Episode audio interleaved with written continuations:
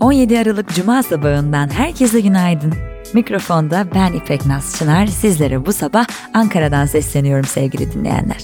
Kısa bir süreliğine ailemi ziyarete geldim. Birazcık aile saadeti zamanı. En son bir yıl önce gelmiştim. Ee, canım Ankara'mı biraz özlemişim doğrusu. Yani öyle bir his ki Ankaralı olup İstanbul'da yaşamak. Ee, Ankara'ya gidene kadar o botaniği, Atakule'yi, gençliğinizin geçtiği Bilkent'i, okulunuzu görmedikçe özlediğinizi fark etmiyorsunuz ya da en azından ben öyleyim. Ama açıkçası kendimi asla ait hissetmiyorum artık bu şehre. E, zamanında tereddütsüz verdiğim kararın sonuna kadar arkasındayım. Burada büyümüş olmanın eşsiz farkını her yerde hissetmekle birlikte İstanbul'da yaşayan bir Ankaralı olmak da bambaşka doğrusu. Evet Ankaralı olmayı yeterince övdüysem hemen bugünün bültenine geçelim. Bugünün bülteni Monster Notebook destekleriyle ulaşıyor. Yeni dizüstü bilgisayar serisini satışa çıkaran Monster Notebook, öğrenci ve ofis kullanımına yönelik geliştirdiği, mobilitesi ve batarya performansı ile öne çıkan 11. nesil Intel işlemcili yeni Puma H5V3 bilgisayarını tanıtıyor. Ayrıntılar bültende. Piyasalar ve ekonomi Asgari ücret 2022 için %50 artışla net 4253 lira olarak belirlendi. Cumhurbaşkanı Erdoğan asgari ücret üzerindeki gelir ve damga verisinin kaldırılacağını, böylece işverenin 450 liralık bir yükten kurtulacağını duyurdu.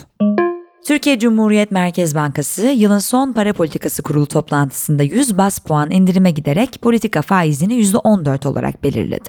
Kararın ardından dolar TL 15,66'ya, avro TL 17,70'lere, gram altında 900 liranın üzerine çıktı.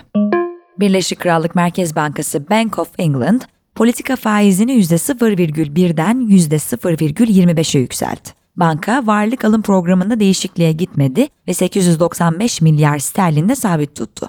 Bank of England bu kararla pandeminin başından bu yana faiz artırımı yapan ilk büyük banka oldu.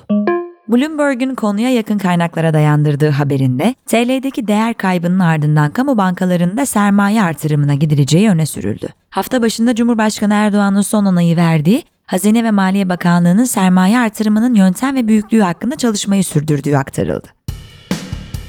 İş Dünyası ABD'de bir grup aktivist, Sirius XM'e podcastlerinde altyazı veya transkript sağlamayarak işitme engellileri ve işitme güçlüğü çekenleri dışladığı gerekçesiyle dava açtı. Reddit, halka arz sürecini resmen başlattığını ve ABD Menkul Kıymetler ve Borsa Komisyonu'na evrak sunduğunu açıkladı. Şirket ilk halka arz için hisse sayısının ve önerilen fiyat bandının belirlenmediğini kaydetti. ABD merkezli petrol şirketi Amplify Energy, geçtiğimiz Ekim'de Güney Kaliforniya sahillerinde çevresel tahribata yol açan bir ham petrol sızıntısına neden olmakla suçlandı. Açılan davada savcı, şirketi sızıntının meydana geldiği borudaki deliği fark etmeyip ihmalkar davranmakla suçladı. Politika Türkiye ve Libya'nın imzaladığı 2019 tarihli deniz yetki alanlarının sınırlandırılmasıyla güvenlik ve askeri işbirliği anlaşmalarının Libya Temsilciler Meclisi'ne onaylanmadığı aktarıldı. Romanya Yenilik ve Dijitalleşme Bakanı Florin Roman, özgeçmişinde tutarsızlıkların yer aldığına ve akademik çalışmalarında intihal kanıtı bulunduğuna yönelik haberleri takiben hakkında başlatılan soruşturma üzerine istifa etti. Türkiye Barolar Birliği Başkanı Erinç Sağkan'ın da aralarında olduğu 11 kişiye kamu görevlisine dini inanç, düşünce ve kanaatlerini açıklaması nedeniyle görevinden dolayı hakaret suçlamasıyla açılan davanın bir sonraki duruşması 9 Mart 2022'ye ertelendi. TODEX'in kurucusu Faruk Fatih Özer'in nerede olduğuna ilişkin 8 aydır herhangi bir bilgiye ulaşılamadı. Litvanya'nın Çin'deki diplomatlarını ülkeye geri çağırdıktan sonra artan Çin baskısına karşı Avrupa'dan yardım isteyeceği belirtildi. Sınır tanımayan gazeteciler örgütünün dünyadaki basın özgürlüğü verilerine yer verdiği raporuna göre dünya genelinde 488 gazeteci 2021 yılını hapiste geçirirken 46 kişi de mesleklerini icra ettikleri için öldürüldü. Türkiye, örgütün basın özgürlüğü listesinde 180 ülke arasında 153. sıraya yerleşti teknoloji ve startup. Uber, kişiden kişiye teslimat yapılmasında olanak tanıyan Uber Connect isimli servisini ABD'de 6000'den fazla şehre genişlettiğini ve yeni özellikler getirdiğini açıkladı. Özellikler arasında kuryeye not bırakma, kapının önüne bırakma, alma gibi hizmeti kolaylaştıran seçenekler bulunuyor. NASA'ya ait uzay aracı Parker Solar Probe, Güneşin dış atmosferi olarak da bilinen taç küreden uçmasıyla Güneş'e en çok yaklaşan uzay aracı oldu.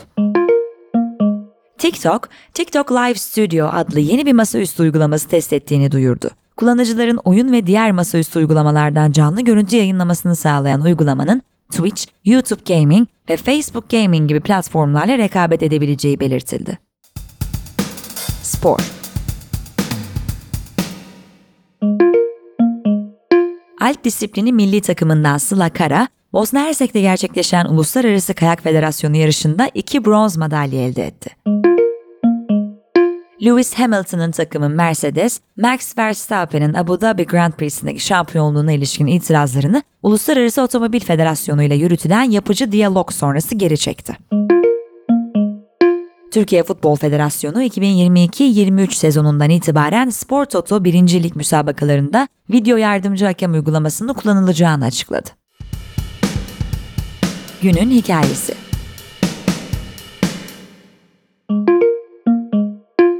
Günün hikayesinin konusu bilek güreşi, faizde indirim, asgari de artış. İlkim Emirler'in hazırladığı yazıyı iletiyorum sizlere.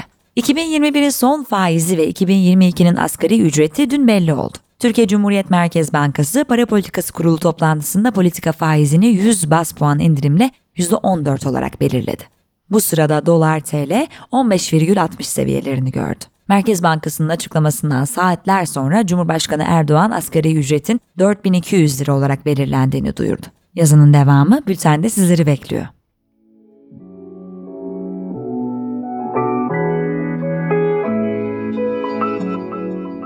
Sevgili dinleyenler, umarım harika bir hafta sonu geçirirsiniz. Ben büyük ihtimalle bol bol yemek yiyip aileme bolca vakit ayıracağım.